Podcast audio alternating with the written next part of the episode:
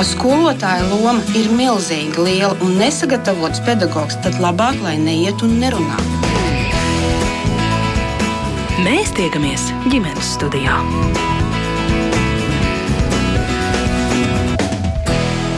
Labdien! Ēdināšana skolās vienmēr bijis karsts temats. Visbiežāk diskutēts, kāpēc daudz bērnu ēd skolā pagatavoto ēdienu, kas nereti pārtop par atkritumiem, un ka maltīšu pagatavošanai paredzēts pārāk mazs finansējums, lai ēdiens patiešām būtu sātīgs un garšot lielākajai daļai bērnu. Bet šoreiz kopā ar studijas viesiem, eh, divām uzturs speciālistēm, kuras pārstāv arī Latvijas diētas un uzturs speciālistu asociācija, proti ar Olgu Ļubinu Ivinu un Jutu Golubovu, arī ar pārtiks tehnoloģiju Zintru Koktu un izglītības iestāžu ēdinātāju asociācijas pārstāvi Jāni Meiju. Skaidrosim, kādi noslēpumi ir to ēdinātāju rīcībā, kuriem izdodas ikdienas skolēns iepriecināt ar garšīgām, veselīgām un patiešām daudzveidīgām maltītēm. Labdien visiem klātesošajiem! Prieks, ka esat šeit studijā, uh, bet raidījuma producents Armīta Kolāte, mani sauc Mērits Notiņa, un ierosme šai sarunai Latvijas diētas un uzturu speciālistu asociācijas aicinājums vecākus pieteikt savu bērnu skolu konkursam labākais skolu ēdinātājs Latvijā. Tātad noteikti vislabāko skolu ēdinātāju līdz februāra beigām vēl var sūtīt atsauksmes. Nu, gribu jautāt, cik aktīvi vecāki piedalās jūsu izsludinātajā konkursā? Mums ir prieks par to, ka piedalās diezgan aktīvi. Jau ir ap tūkstots pieteikumu. Un tad attiecīgi mums arī sanāca palasīt komentārus, jo, kad vecāki piesaka savu skolu iedinātājus. Protams, viņi arī pieraksta kaut ko īpašu, ar ko viņi tiksim, izceļ, kāpēc viņi izceļ savus pavārus un savus ēdinātājus. Un prie, tiešām ir liels prieks lasīt, jo vienmēr, protams, mēs dzirdam ļoti daudz slikta par, par skolu ēdināšanu, bet mums tiešām kā asociācija gribētu, nu, tā kā mēs gribētu izcelt tos labākos un parādīt, ka tiešām var būt gan veselīgi, gan garšīgi, un tas viss var būt arī skolā, ne tikai mājās. Nu, varbūt atceraties kādus cildinājumu vārdus, kur ir izskanējuši jau. Vai tad man ir jāpalasa? varbūt jūsu kolēģe Juta Golubova. Jā, labdien! Um, bija patiesi liels prieks uh, saņemt šīs atsauksmes. Galvenokārt ļoti aktīvi ir tieši uh, mazo klašu vecāki, uh, kuri norāda, ka ir liels prieks, kad bērns atnākot uz mājām arī jautā vecākiem, vai var pagatavot to, kā bija skolā. Un lasot arī, kā skolā tiek gatavotas lazaņas, piemēram, vai diezgan daudz veģetārie ēdieni, un ka pat ir bērni, kuri, kā vecāki norāda, ģimenē nav veģetārieši, bet ka bērni paši prasa šos, šīs te veģetārās maltītes, un par to ir tiešām ļoti liels pārsteigums un, un arī prieks. Bet galvenokārt tas, kas izskan no šiem bērniem, ka ir daudzveidība. Tajā, tajās labajās skolās, un ka bērniem ir iespēja arī pašiem dozēt, teiksim, salātu apjomu, cik daudz zupu viņi vēlas pievienot sev pusdienās. Tā kā jā, tās atsauksmes tiešām ļoti, ļoti iepriecina. Nu, bet vai nav tā, ka tomēr uh, lielajā Rīgā ir ēdinātāji, kuri um, nu, ēdina pusi pilsētas apmēram, varbūt nu, katrā ziņā ļoti daudz bērnu, tā kā varētu ļoti daudz balsot par to ēdinātāju, bet ir arī tādas mazās lauku skolas, uh, kur ēdinātāji arī strādā izcili, bet nu, ēdā ir ļoti maz. Man pašai prātā nāk uh, Nīcas vidusskola, es tur biju pirms diviem, trim gadiem, un atceros, ka tiešām ļoti būtiska sarunas daļa izvērtās tieši par ēdināšanu skolā kur cildināja to gan skolotāji, gan skolēni. Teica, ēdiens ir izcils, mums ir lieliska pavāra. Šis ir ļoti labs aspekts, jo uh, Manuprāt, mums tas arī bija kā patīkams pārsteigums, ka ļoti aktīvi ir tieši ne tikai Rīgā, bet galvenokārt arī reģionos. Mums visaktīvākais, varētu teikt, tā ir kurzemes novads, jā, un kur arī iesaistās šīs mazās skolas. Un tad, kad mēs izsludinājām konkursu, bija arī zvani tieši no mazajām skolām, vai viņi vispār var piedalīties un konkurēt ar šīm lielajām, piemēram, Rīgas skolām vai citu pilsētu lielajām skolām. Bet uh, es teiktu, ka šobrīd izskatās, ka tieši no šīm arī mazajām mazajām perifērijas skolām ir ļoti liela atsaucība, un tur dominē arī šī personalizētā pieeja, kur, kā arī vecāki norāda, ja bērns kaut ko nē, tad uh, ir aptaujas, teiksim, klasēs vecākiem, pašiem skolēniem, un šie pavāri arī pielāgojas bērnu vēlmēm, ievērojot visas vajadzības. Nu, prieks tiešām dzirdēt, bet nu, droši vien ir kaut kāda kritērija, gribu visiem klātsošiem jautāt, uh, ko tad mēs varētu nu, definēt kā kvalitatīvu ēdienu skolās. Nu, ja mēs runājam par jā. konkursu un kā Olga. mēs vērtējam, jā, tad attiecīgi mums uh, pirmais kritērijs, um, un attiecīgi, ja tur nav, ja nav atbilstības pēc šī punkta, tad attiecīgi tālāk ēdienkartes un skolas. Skol, skol, mm, ēdinātāji netiek vērtīti. Tā ir atbilstība kā noteikumiem 172, uh, bet mēs, protams, visi ļoti labi zinām, ka papīrs panes visu, uh, tāpēc mēs arī skatāmies, vai um, ēdiens atbilst, teiksim, sezonalitātei, vai ēdiens ir daudzveidīgs, uh, cik daudz ir cukurs un sāls pievienots attiecīgi, un vai šī dažādība, jo, protams, mēs varam redzēt, ka, mm, teiksim, varbūt trīs dienas pēc kārtas kartupeļi dažādos veidos attiecīgi, jā, vai tur makaronu ēdieni, bet tikpat labi mēs, un kā arī mana kolēģi Juta jau minēja, jā, varbūt arī dažādi interesanti veģetārie ēdieni, un, protams, ka visus šos faktorus asociācija arī vērtēs un žūrija. Te tik pieminēta ministra kabineta tie ir noteikumi numurs 172, un tie tiešām nosaka, kādam tam ēdienam jābūt. Tas kaut kā ierobežo vai tieši otrādi virza pareizā virzienā, Zintra? Es, es domāju, ka tas neierobežo. Tas iedod tādu virzienu, kurā ir jāiet. Un līdz ar to ir tas, ka teiksim, visā val, valstī, tais skolās, tas eh, apjoms, ja varētu teikt, enerģētiskā kaloritāža ir līdzīga. Un, un, un, un teiksim, tomēr tas ir arī sadalīts pa vecuma grupām. Līdz ar to nav tā, ka tas, kas ir 1. un 4. klasītē, būtu arī tāds pats apjoms 5. un 9. jo bērns aug un viņam ir vajadzības uh, lielākas, un, un, un, un tiek noteikts arī tomēr, cik ir jābūt olbaltumvielām, taukiem un, un ogļhidrātiem, nu, lai nebūtu tas ēdiens varbūt. Uh, nu, teiksim, ļoti treknas vai arī nu, pretēji teiksim, bez taukvielām. Tātad, lai bērns uzņemtu visas nepieciešamās uzturvielas pusdienās. Bet kas tās ēdienkartes sastāda? Nu, ēdienkartes sastāda pats ēdinātājs, bet ir ļoti daudz, teiksim, ēdinātājs tiek ļoti reglamentēta viņam rīcība, jo viņam ir jāsaskaņo gan ar skolu, gan arī ar vecākiem, publicē mājas lapās, dažādās, teiksim, sociālās vietnēs pat ir pamanīts, ka publicē ēdienkartes. Nu, tas nav tā, ka mm, viens pats izdomā.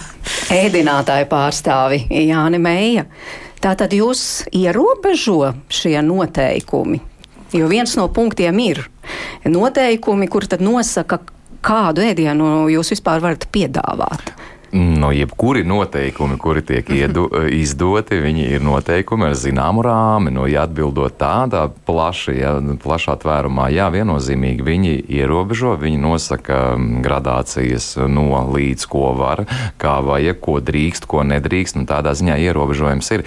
Ir, protams, no mūsu puses redzējums, ka noteikumi, kā, kā jau kur noteikumi, viņi būtu pilnveidojami, viņus, viņus vajadzētu arī pārskatīt. Un, ja mēs runājam par tādu dažādu parādību, ja, tad, tad arī no šī aspekta raugoties, jā, šobrīd mums ir tas, ka mēs ēdinātāji esam tādos, tādos nu, rāmītī, tādā ielikti, kad eh, mēs faktiski pēc, ja tā ļoti eh, skrupulozi pēc noteikumiem raugoties, tad mums ir jāizstrādā vienas nedēļas ēdienu karte. Tas ir, tas ir katrai dienai izstrādāts viens ēdiens, un pēc, šī, pēc šīs izstrādātais ēdienkartes mums ir jāstrādā.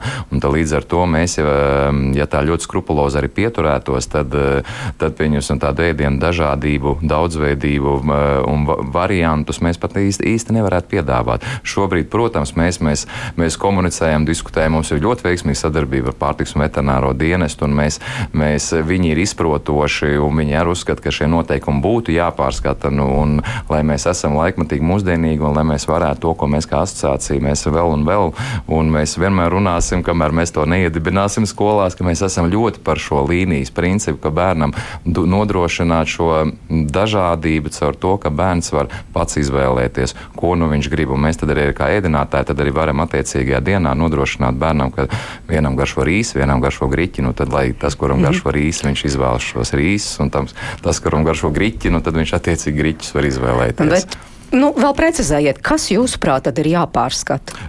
Ministra kabineta noteikumi kā tādi, viņi būtu, viņi ir izdoti, viņi šie 172. noteikumi, viņi tā fundamentāli šobrīd, starp citu, ir, ir diezgan apjomīgi grozījumi, drīz, drīz stāsies spēkā, viņi jau ir pagājušā gada rudenī jau pieņemti un e, kopā ar, tur gan ir atzinums, ka viņi var mhm. stāties spēkā tikai kopā ar, no, e, ar finansējumu, līdz ar to gaidām tagad budžeta, budžeta lēmumu. Jā, bet nu ne par noteikumiem, Jā. bet nu praktiski, ko jūs gribat izmainīt? Jūs teicāt, tā tad eh, praktiski jūs gribat dažādo to ēdienu karti, un, un to jūs nevarat šobrīd darīt, vai ko jūs gribat un ko jūs nevarat? Nu, viens, protams, un atkal man ir jāatgriežas pie tā, ko es jau esmu teicis, ka man jau es esmu noguris jau runāt par to, par šo finansiālais apsvērums. Protams, ka viņš bija tas pamatu kavējušais faktors, bija finansiālais apsvērums, jo mēs kā nozara tiešām nu, gadu gadiem mūsu šis slavenais jau bija tas eiro 42, ar ko mēs dzīvojām. Ja?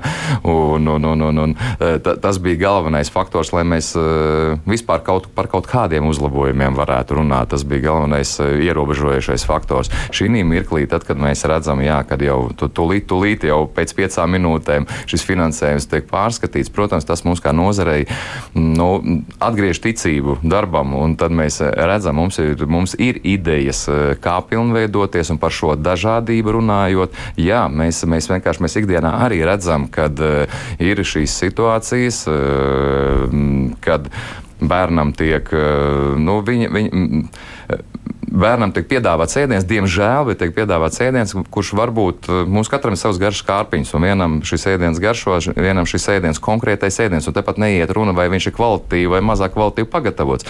Te ir par konkrētu produktu runājot, nu viens ēd, bērns viņu ēd, viens bērns viņu nēd, un līdz ar to šobrīd noteikumi, jā, mūs ierobežo, viņi būtu jāpārskata, bet es arī ticu, ka, ja mēs mūsu asociācija kopā ar, ar kolēģu asociāciju, ja, sadarbībā ar veselības ministriju, mēs to varam veikt veicināt un, un iet uz to. Un, ja, ja mēs redzam arī, ka šis finansiālais apsvērums pamainās, tad jā, tad mēs, mēs, mēs varam virzīties un to, un mēs uzskatām, ka viennozīmīgi tas ir jādara. Mhm. Jūta Golubova, jūs arī tā kā uztur speciālists sakāt, ka nav iespējams izgrozīties. Nu, kā mēs dzirdējām no vienas puses noteikumu, no otras puses tomēr ļoti ierobežots finansējums un faktiski ēdinātājam nav daudz iespēju. Kā viņš varētu darīt labāk? Jūs piekrītat?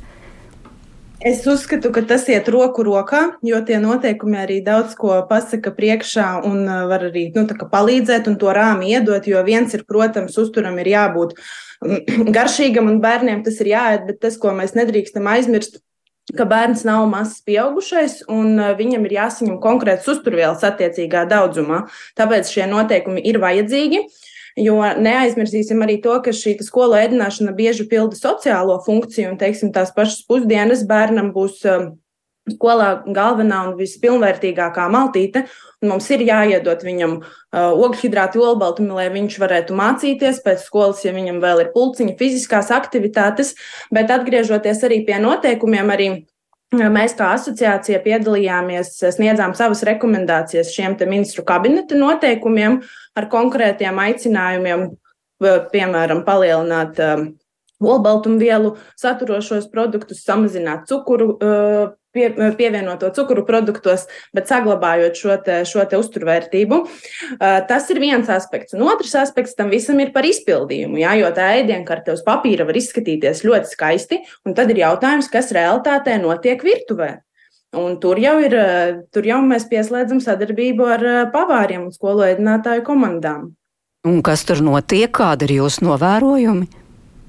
Nu, es domāju, daudz pozitīvu novērojumu mums būs pēc šī konkursa, eh, bet bieži vien tiek saņemtas kā, atsauksmes, kā porcijas varētu būt par mazu, ka bērniem nepietiek. Jā, vai ka tiklīdz tiek piedāvāts arī kāds jauns produkts, nevis makaroni ar sieru vai gaļu, jā, un tur uh, veģetārais sautējums bērniem bieži tas nav pazīstams, vai arī vizuālais šis te izskats, jā, šīs te atkal. Uh, Šie aspekti ir jāņem vērā, kā pavārs var pagatavot to bērnam tā, lai bērnam būtu vēlme pagaršot, pamēģināt un saprast, ka tas arī var būt garšīgi.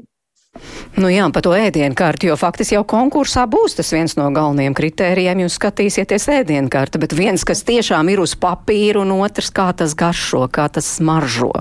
Jā, diemžēl pagaršot mēs nevarēsim atbraukt, mums, jo to mēs praktiski nevarēsim izpildīt. Bet noteikti mēs arī lūgsim vecākus pēc tam atsūtīt bildes tiksim, kā izskatās šīs ēdienas, lai mēs vismaz pēc arī kaut kāda vizuāla uh, konteksta varētu spriest par to, nu, vismaz, uh, kā šīs ēdienas izskatās. Un tiešām, uh, ja tur ir uh, kaut kāda mērce, ja, kā, tā tie, tā, kā tā tiek pasniegta attiecīgi, jo mēs uh, droši vien visi atceramies, ja nu, manas bērnības trauma ir šī mērce pārlieta uh, pa kartupeļu biezeni attiecīgi, ja, un attiecīgi kā tas tiks pasniegts, to mēs arī redzēsim un, protams, arī vērtēsim. Nu, es varētu papildināt Jā. šajā pašā jautājumā, jo viņi atsūtīs ēdienu bet mēs arī painteresē, painteresēsimies pēc receptes un tehnoloģiskā apraksta, kur visnotaļ var redzēt, kā viņš tiek gatavots. Un tad jau arī ir priekšstats, kādam šim ēdienam būtu jāgaršo vai jāizskatās. Jā, tāds, nu. Bet par to finansējumu, kas izskanēja no ēdinātāja puses, tas kaut kādā ziņā tomēr ir atrisināts jau šobrīd jautājums, jo mēs taču zinām, ka daļu tagad vecāki piefinansē. Ir ļoti dažādi modeļi. Ir kādas skolas, kur pašvaldības kaut ko piemaksā, ir skolas, kuru piemaksā varbūt vecāki. Ir ļoti dažādi modeļi pa visu mūsu valsti, ļoti, ļoti daudz dažādi. Vai ēdinātājs arī pats kaut kā to var ietekmēt? Nu, Lūk, piemēram, par... modernas virtuves būvējot, iegādājoties tur visādus tos rīkus, kas nepatērē daudz nu, elektrības un tam līdzīgi. Ja mēs vēlamies virzīties uz tādu vienotu stratēģisku attīstību vispār ēdināšanā kā tādā skolā, ja, tad šis, šī finansējuma sadrumstalotība un dažādība, viņš tas ļoti kavējošs faktors. Jo šobrīd tiešām ir tā situācija, situācija ļoti dažāda. Ir pašvaldības mazāk rosīgas vai, vai politiskie uzstādījumi vai citu apstākļu dēļ, kuras nodrošina tikai valstī normatīvajā bāzē noteikto minimumu. Tā ir 1, 4 klase un attiecīgi sociālās grupas. Un savukārt un tad ir, ir, ir dažādi hibrīdu modeļi un tad aiziet līdz pašvaldībām, kuras nodrošina no, no pilnībā apmaksātu ēdināšanu no sākot no pirmskolas līdz pat 12. klasē. Ja. Un, lūk, un, ņemot vērā katras šīs pašvaldības izvēlēto modeli, modeli, arī, protams, arī pats ēdinātājs, viņš, viņam ir jāpakārtojās šai situācijai, un tās iespējas arī attiecīgi būtiski, būtiski mainās, ko, ko ēdinātājs var, cik viņš plaši var šo savu pakalpojumu uzlabot, un tā, tā kā tas ir arī mūsu kā, kā, kā nozares redzējums, kad viennozīmīgi ir jāpārskata ar šis valstiskais redzējums, un mūsu kā asociācijas ieskatā mēs arī šobrīd arī ļoti ceram uz jauno valdību, jo arī zemkopības ministrijai ir līdzīgs redzējums un skatījums. Mums kā asociācijai nu pat arī bija pirmā jau tāda darba tikšanās ar, ar zemkopības ministriju. Zemkopības ministrija redz, ka mums ir pienācis laiks ņemt, pārņemt labās prakses piemēru no, no, no raudzīties Skandināvijas virzienā un, un pārņemt šo ēdināšanas, gan ēdināšanas organizācijas principu, gan finansēšanas modeli, Proti? kāds viņš ir. Proti, šis ir valsts apmaksāts um, un gar garantēts un nodrošināts pakalpojums no valsts puses pilnīgi visiem izglītojumiem, nevērtējot viņa ne sociālo grupu, ne, ne vecumu grupu, jo par, eh, par tas, tas kritērijs un vērtējums, jo šobrīd mums viņš ir neizprotams, godīgi sakot, kamdēļ valsts un pašvaldībai mm, valsts, valsts nodrošina 1. 4. klasē, bet 5. klasē nē. Nu, kurš, kurš, ir, kurš ir šis kritērijs, kamdēļ 4. klases audzēknis ir pelnījis, un, bet 5. klases audzēknis tad, tad, tad jau vairs nē. Un līdz ar to mēs ļoti ceram, jo tas viennozīmīgi, protams, tie ir skaidri, skaidrs virziens, skaidrs redzējums, un tad arī eh, runājot arī par materiālu tehnisko nodrošinājumu. Jā, tad ēdinātājs jau zina, viņš zina šo, šo, šo uh, apjomu, ar ko viņš strādā, un viņu, viņu, viņam ir ar šī finansiālā iespēja arī, arī, arī materiālu tehniskajā nodrošinājumā investēt. Un kas arī varētu uzlabot kvalitāti, protams, par ko mēs protams. šodien runājam. Paldies klausītājiem, kuri iesaistās mūsu sarunā un grib pacitēt, tad, ko mums raksta. Piemēram, Simona raksta, jauki, ka rīko tādu konkursu, kādēļ nerunā par to, cik sliktā kvalitātē pasniedz ēdienu. Esam pierīgā, augsti salipuši makaroni. Uh, nu, un tas, diemžēl, ir arī biešēdienas ēdienu kārtē atzisušas mērces, tauki peldi pa virsu. Te arī, piemēram, no ogres raksta, vismaz 50% gadījumu ēdiens ir augsts, par garšas kvalitātēm un pārējo pat nav vērts runāt. Igauņu pamatskolā pie, nu, Rīgā briesmīgs ēdiens, kāpēc nevarētu būt uh, kaut kāds vienots standarts, ko īsti jādod uh, bērniem Nezinu. Lūk, Rekā mēs maza, gribam maza, cildināt jā. labos, bet jā. klausītāji mums nu, tās rūktās pieredzes nu, piedāvā. Pirm, pirmām kārtām tam dēļ es eh, vēlos izmantot iespēju un asociācijai tie tiešām lielu, lielu paldies par, par, par konkursu eh, organizēšanu, ja, jo tiešām ikdienā mēs saskaramies ar, eh, būsim reāli, nu cilvēks jau vienmēr, viņš jau izsaka savu, savu, savu, savu, savas pārdomas lielākoties pie šiem negatīvajiem gadījumiem. Un, protams, mēs jau ne, ne nenoliedzami. Skolēnu skaits valstī ļoti liels, līdz ar to tas sniedzamais pakalpojums ir liels un gadās, un, protams, gadās ir šīs, e, ir šīs kļūdas, visam ir apakšā cilvēks, jo virtuve ir sākās ar cilvēku, tas ir pavārs un cilvēciskais faktors, bet kas ļoti bieži izskan un kur es e, katru iespēju e, izmantoju un vēršu uzmanību un uzrunāju skolas un arī ēdinātājus un, un vecākus, jo vecāku padomēm arī liela, lielas ietekme un, un ir spēja mainīt šo. Eh, ja mēs runājam par augstu ēdienu, šo vairāk kārt ir izskanējis augsts, augsts, augsts, augsts ēdiens. ēdiens ļoti piedomā, tas ļoti vienkārši ir izcinājums par darbu organizāciju virtuvē. Augsts ēdiens lielākoties absolūti, cik man ir bijusi saskarsme, kad, kad nāk šādas, šādi pārmetumi par augstu ēdienu, kad painteresējamies jau dziļāk, bet kāda jums ir darba šī organizācija un ēdienu pasniegšana, tad lielāko, absolūti lielākoties gadījumos tas ir tajās situācijās, kad skola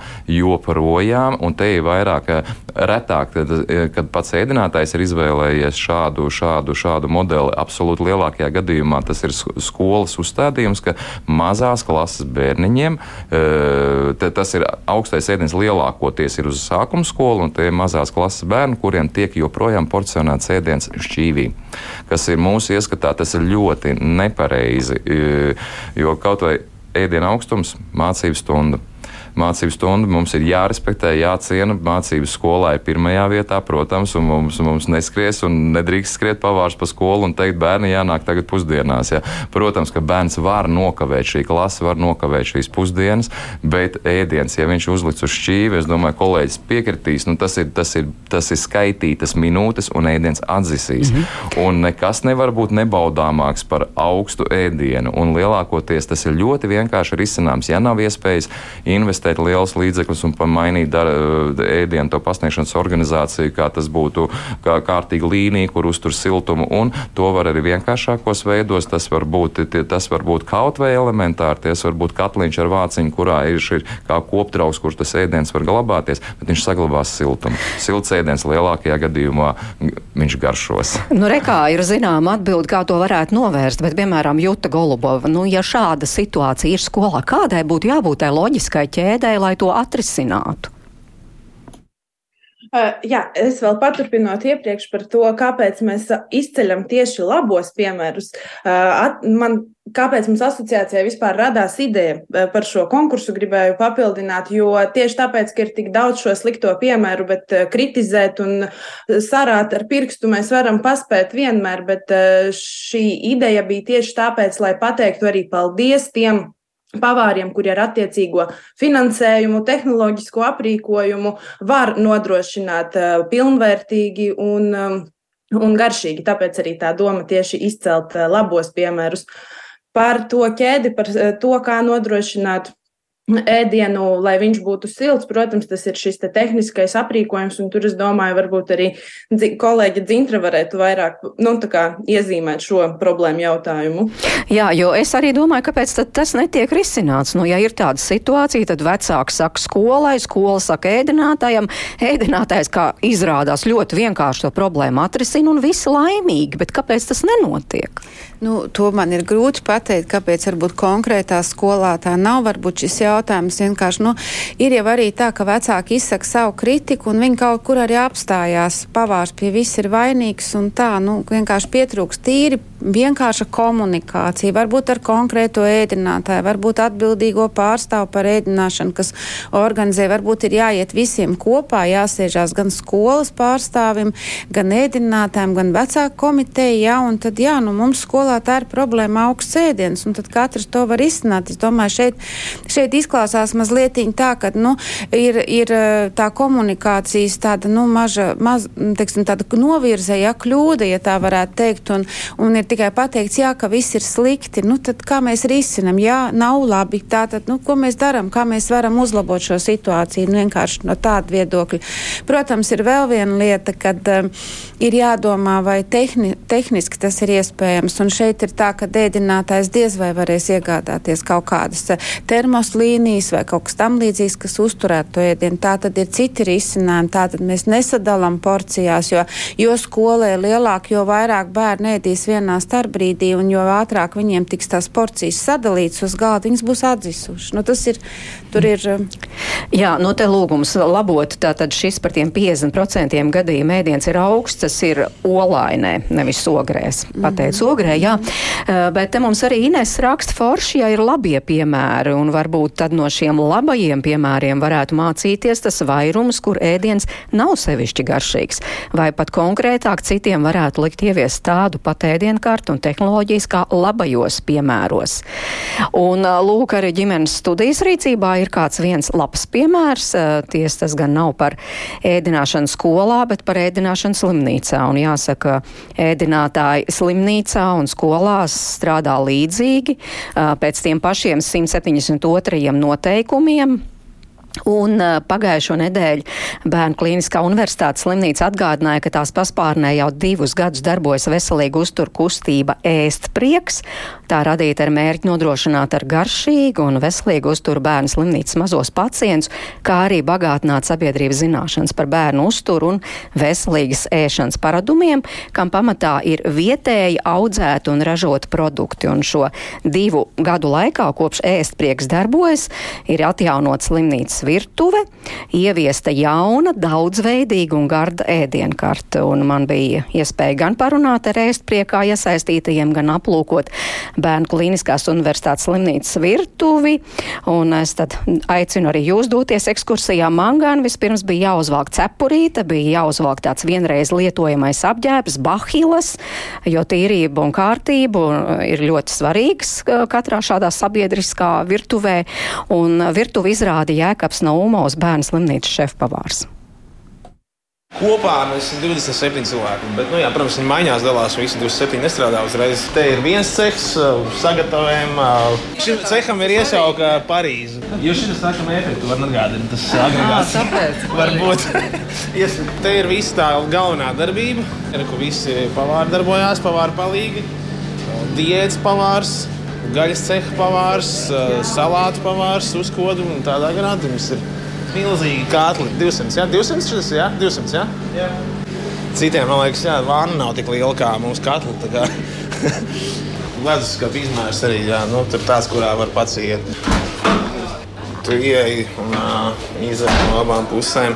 Nu, viss, kas nepieciešams, tā teikt. Gan mums ir arī sūvīda aparāts, kas tagad ir jau, jau kādu labu laiku moderns Mums ir jā, vakumā gatavojam ēdienu priekš tieši audzējušiem.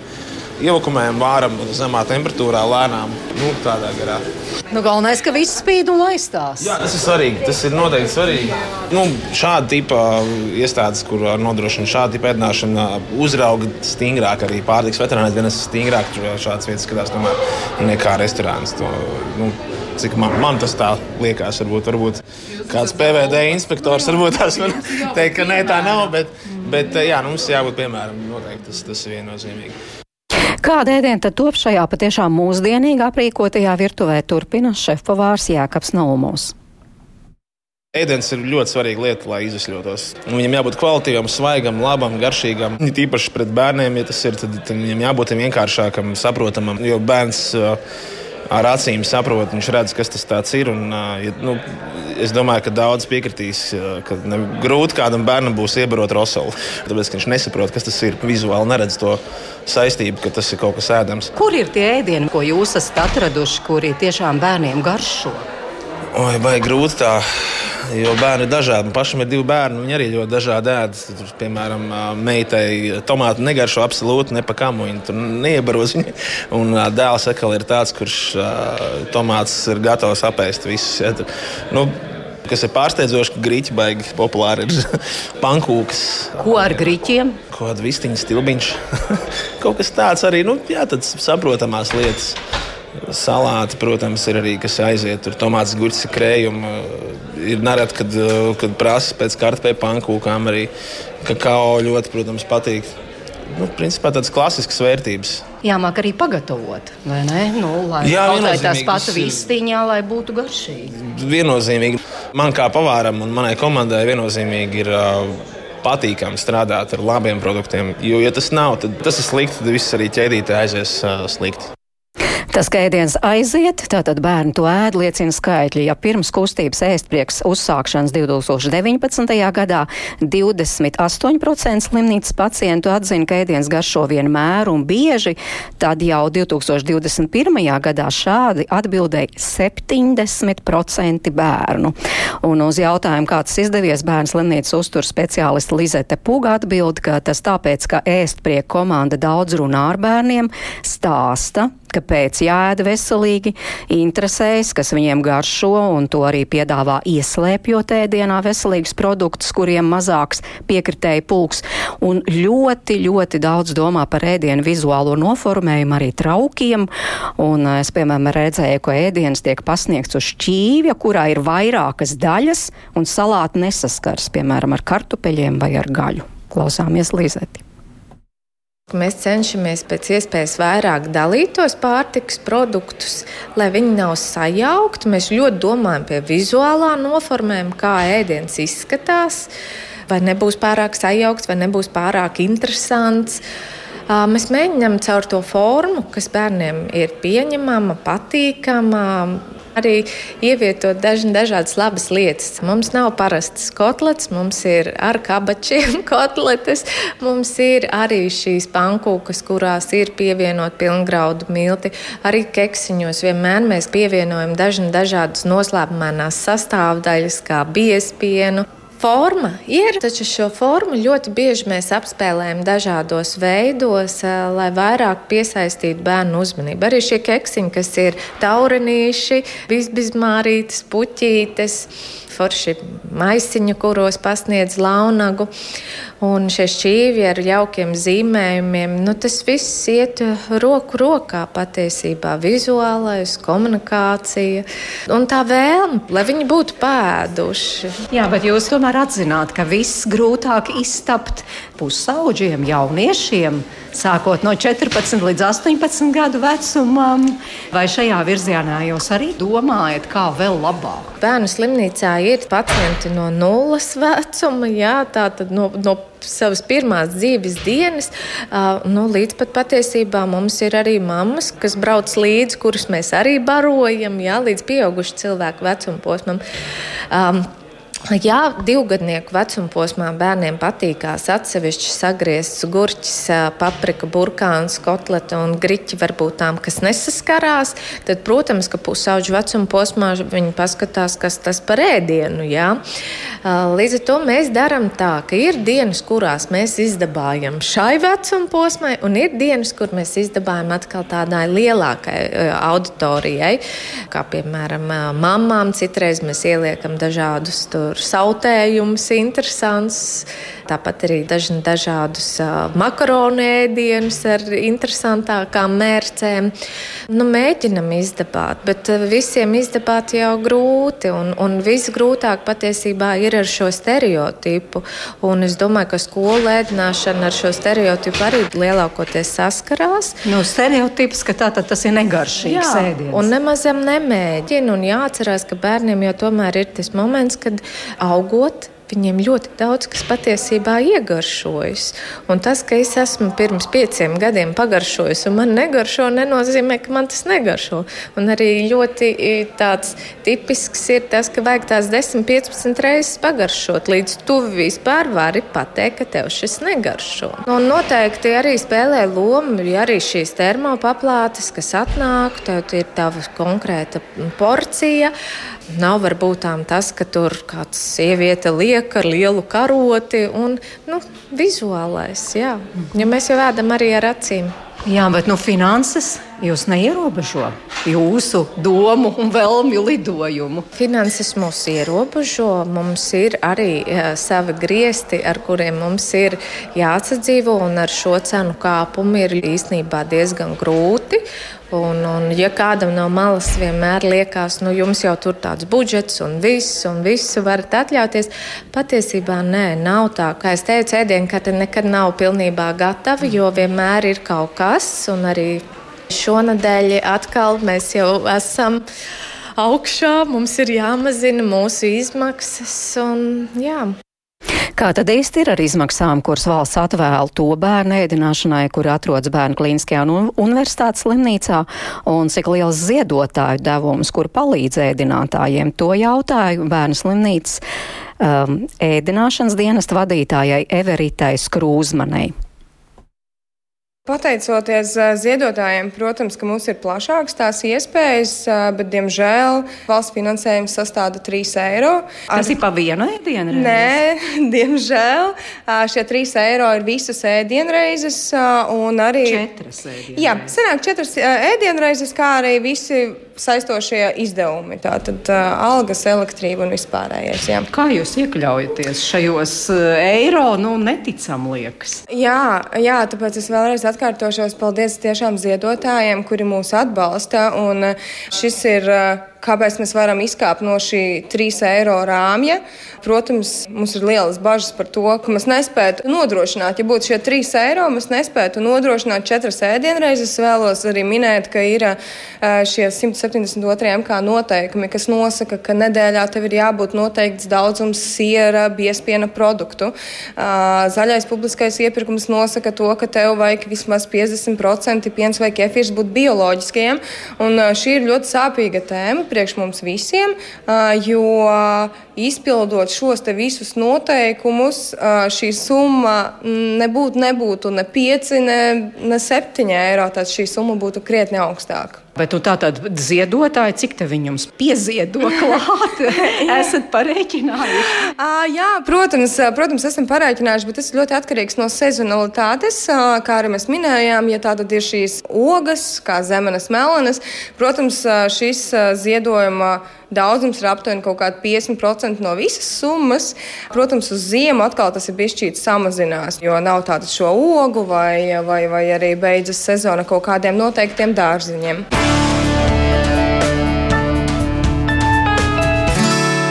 Noteikti tālu par ēdināšanu bērnu klīniskajā universitātes slimnīcā, bet, nu, ja tiešām tie rezultāti ir tādi, ka 70% bērni saka, šis ir labs ēdiens un apēdu visi, nu, tas laikam ir vispār labākais, uz ko var tiekties. Nu, protams, viennozīmīgi, bet nu, tas darbs, kas ir ieguldīts no tik daudz arī dažādiem speciālistiem, ja, tas arī ir ļoti liels, uh, lai panāktu šādu te, um, nu, um, atsaucību no e, e, nu, to ēdāju puses, tā varētu teikt. Ja. Un, un šeit, protams, ir arī tas, ka, um, ja ēdinātājiem skolā viņam ir, teiksim, tāds tehniskais nodrošinājums, nu, kāds kurā skolā ir. Ja, un, un pierīgā tas mazliet vienmēr ir, eh, ja varētu tā teikt, daudz eh, nu, augstāka līmeņa. Tad, tad teiksim, jau nu, tālāk no Rīgas bieži vien ir skolas, kur diezgan jau novecojušas iekārtas, ar, un, teiksim, nu, ir ļoti grūti arī daudz ko izdarīt no tā, ko vēlētos un varbūt arī vajadzētu. Ja. Tas arī ļoti daudz ierobežojo. Teiksim, tehniskais nodrošinājums, tāpat kā um, cilvēks, tās ir divas pamatlietas, kas būs būs atkarīgas arī.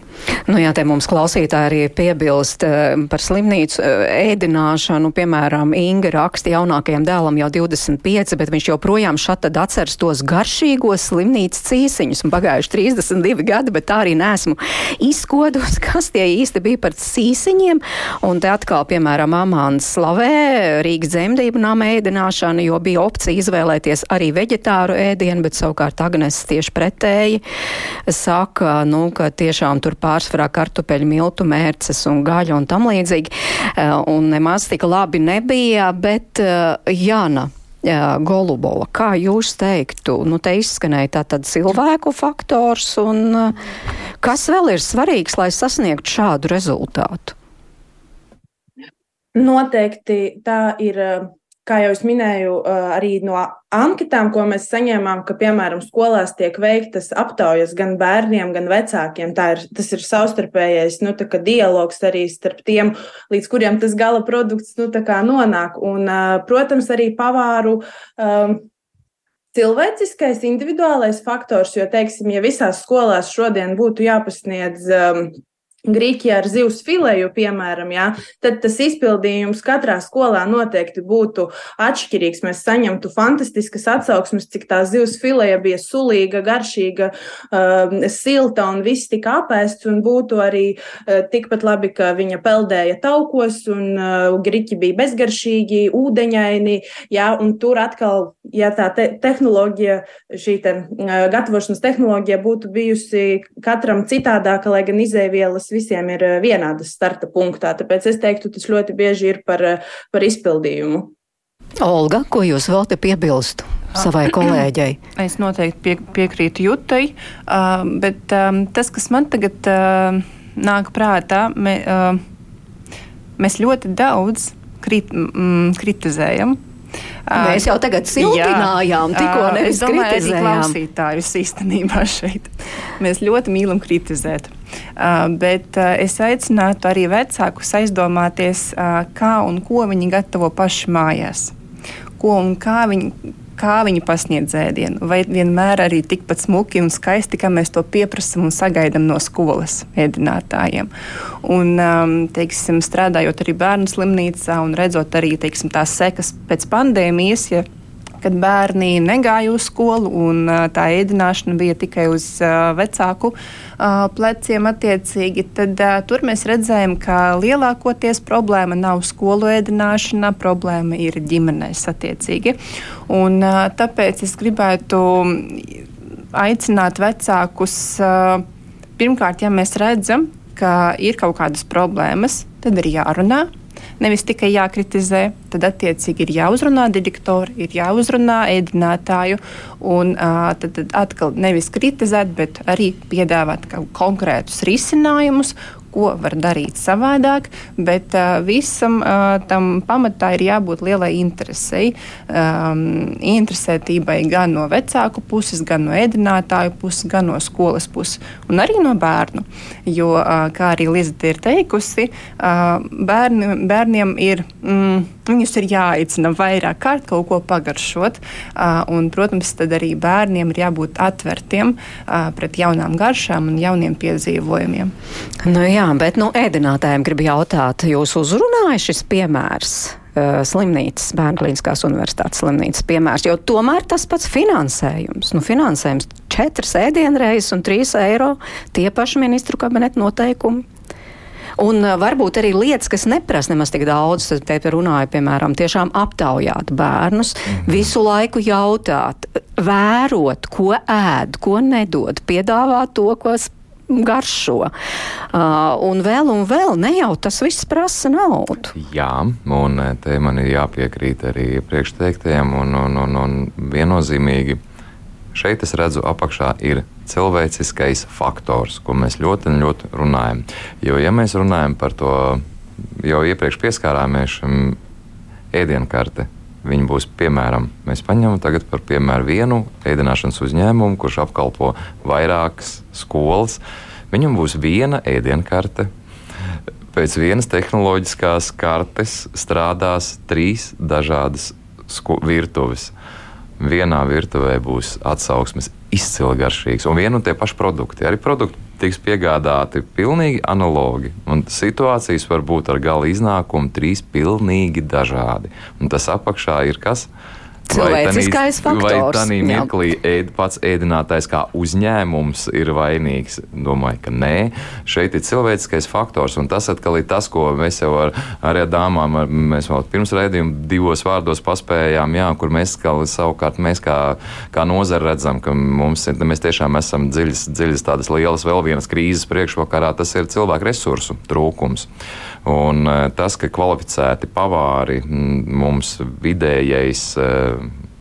vecums eh, paliek ar katru gadu arvien lielāks un lielāks, un jau, jaunie cilvēki nenāk iekšā.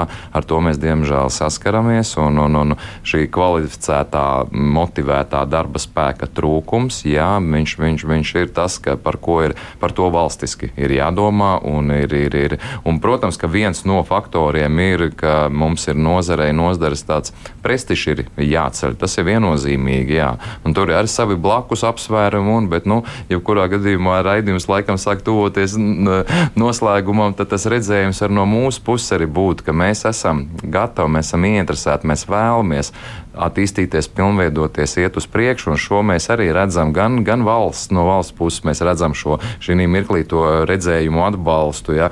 Arī vēlreiz liels paldies par, šā, par šādu iniciatīvu, ka tas arī mērķis mūsu redzējums ir viens, mums galvenais ir kopā iet, un ja mēs, e, ja mēs runājam konkrēti par bērnu, bērnu slimnīcu, ja, lokālu projektu šādu vidējos rādītājus pacelt ir, protams, ir vieglāk. Man ļoti liels prieks, jo viņi viņi apbrīnojami šie rādītāji, dinamika ir ļoti, tā apmierinātības indeks ir ļoti kāpis. Ja.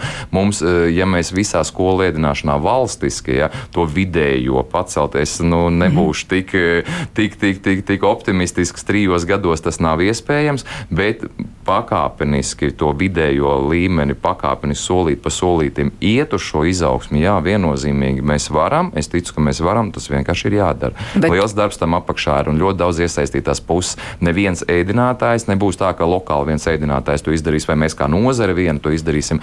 Tur ir, ir jāvēlās un jāgrib daudzām pusēm. Tas ir, tas ir, tas ir. Un, bet, bet viennozīmīgi vēl ko es gribēju piezīmēt, jā, kad eh, vecākus aicinu būt jā, aktīviem, un man ir prieks, ka arvien vairāk skolu vecāku padomus. Es arī pats eh, diezgan bieži piedalos, ja iespēja ir, piedalos uh, šādās skolu vecāku padomu sēdēs. Un, un, un man ir prieks, ka vienmēr ēdināšanas jautājums ir viens no prioritāriem jautājumiem. Viņš faktiski lielāko laika bloku gan arī pārņem. Un šīs skolas, kur ir aktīvas un uz tādu konstruktīvu, jo vienmēr pelt un, un, un, un nopelt jau mēs visi protam, un jā, bet ja tā konstruktīvi mēs uh, skoliņiem apkopot caur, caur šīm vecāku padomēm šīs problēma jautājums, uzrunā ēdinātāju, uzrunā skolas administrāciju un kopīgi sēž pie galda, tie risinājumi vienmēr tiek rasti. Ir vienkārši vai konstruktīva sadarbība. Jā, lieliski, bet es tikai gribēju precizēt, bet tas apmierinātības rādītājs, kāds tas šobrīd ir, jūs zināt?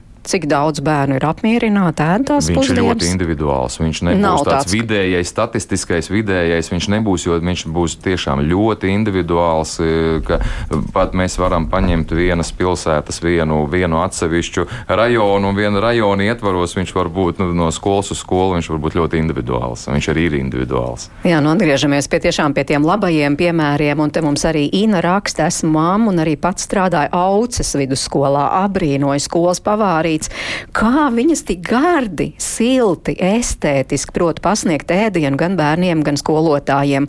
Šodien, uh, ga, šodien galds izskatījās tikošs, burkānu salāti, uh, oranžais mandarīns. Paldies saimniecei Gaļinai un visām palīdzēm. Bērni ļoti slavē un novērtē.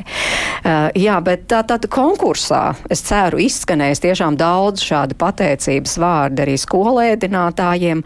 Tas noslēgs beigsies februāra beigās, tātad līdz februāra beigām vecāki vēl var rakstīt savus atsauksmes uh, uztur speciālistu asociācijai. Kas tālāk?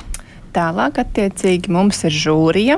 Žūrijā ietilpst attiecīgi Latvijas dietas un uzturu speciālistu valde, pieci locekļi, un nu, mums ir pieaicināta dzintra un pieaicināta arī kolēģi Lizete Puga no bērnu slimnīcas, un tad mēs arī kopā izvērtēsim šos te pieteikumus. Tad prasīsim tehnoloģiskās kartes attiecīgi, vērtēsim pēc jau nosauktajiem um, parametriem šo, uh, šis te iesniegtās ēdienkartes un tālāk um, izvēlēsimies uh, labākos ēdinātājus un mēs tad izvēlēsimies arī gan kurzemē, gan vidzemē, latgalē un, un zemgalē labākus ēdinātājus un, protams, visā Latvijā. Kā jūs pateiksiet viņiem paldies?